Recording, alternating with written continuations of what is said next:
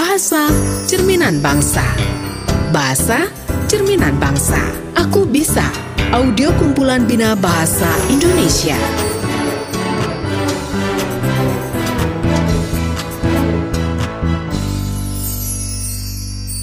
Sahabat pintar, berjumpa kembali dalam program Aku Bisa. Sebuah program audio kumpulan Bina Bahasa Indonesia untuk siswa SMP dan MTS. Judul program Aku Bisa kali ini adalah Digabung atau Dipisah, yang membahas perbedaan penulisan awalan di dan kata depan di. Selamat mengikuti. Sahabat pintar, tentu kita sering menggunakan awalan dan kata depan di dalam sebuah kalimat. Bagaimana penulisan awalan dan kata depan di tersebut? Apakah penulisan keduanya serangkai dengan kata yang menyertainya, atau penulisannya dipisah dari kata yang menyertainya? Nah, sahabat pintar, mari kita simak percakapan berikut.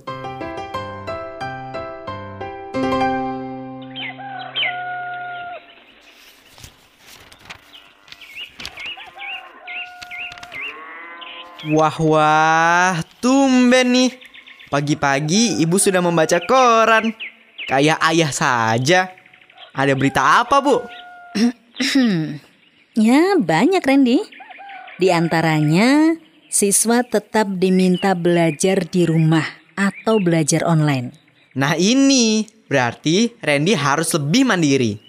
Oh, jadi selama ini kamu kurang mandiri ya? Hmm? Oh, bukan begitu, Bu. Kalau selama ini kita bebas bertanya langsung, berdiskusi dengan guru dan teman.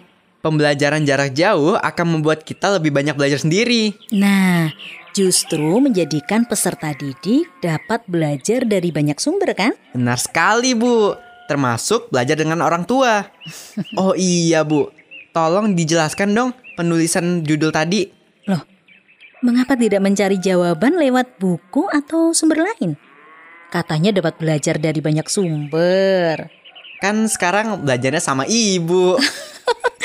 Kamu ini lo bisa saja. Apa yang mau kamu tanyakan? Itu loh, Bu. Penulisan judul yang tadi ibu bacakan. Mhm.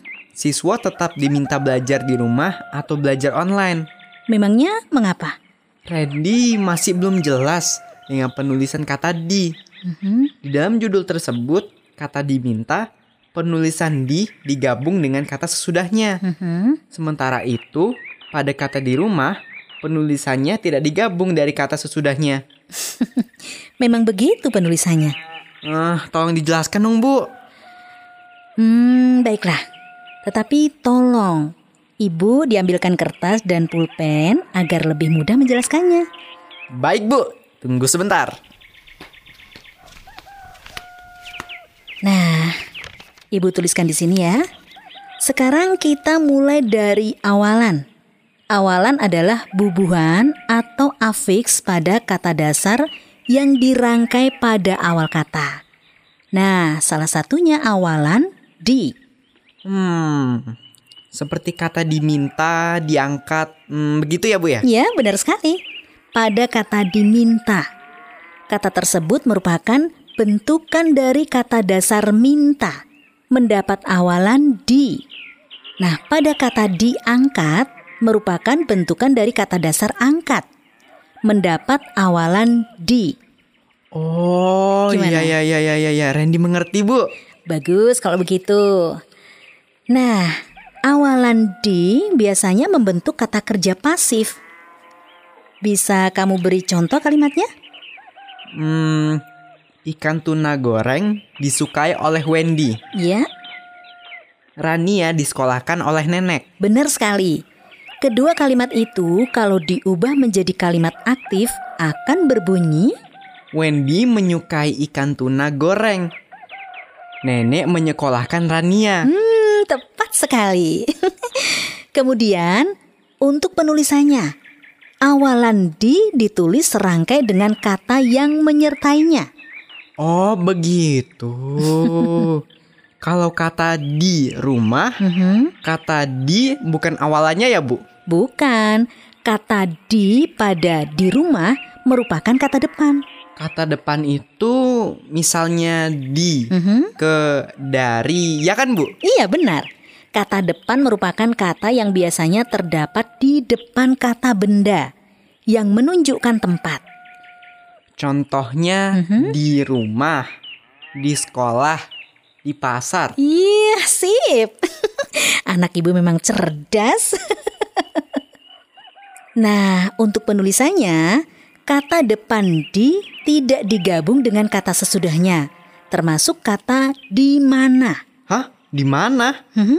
Oh iya, Randy sering menuliskan kata di serangkai dengan kata sesudahnya pada kata di mana. Oh, itu tidak tepat ya, Bu? Iya. Di pada kata di mana merupakan kata depan. Jadi penulisannya juga dipisah.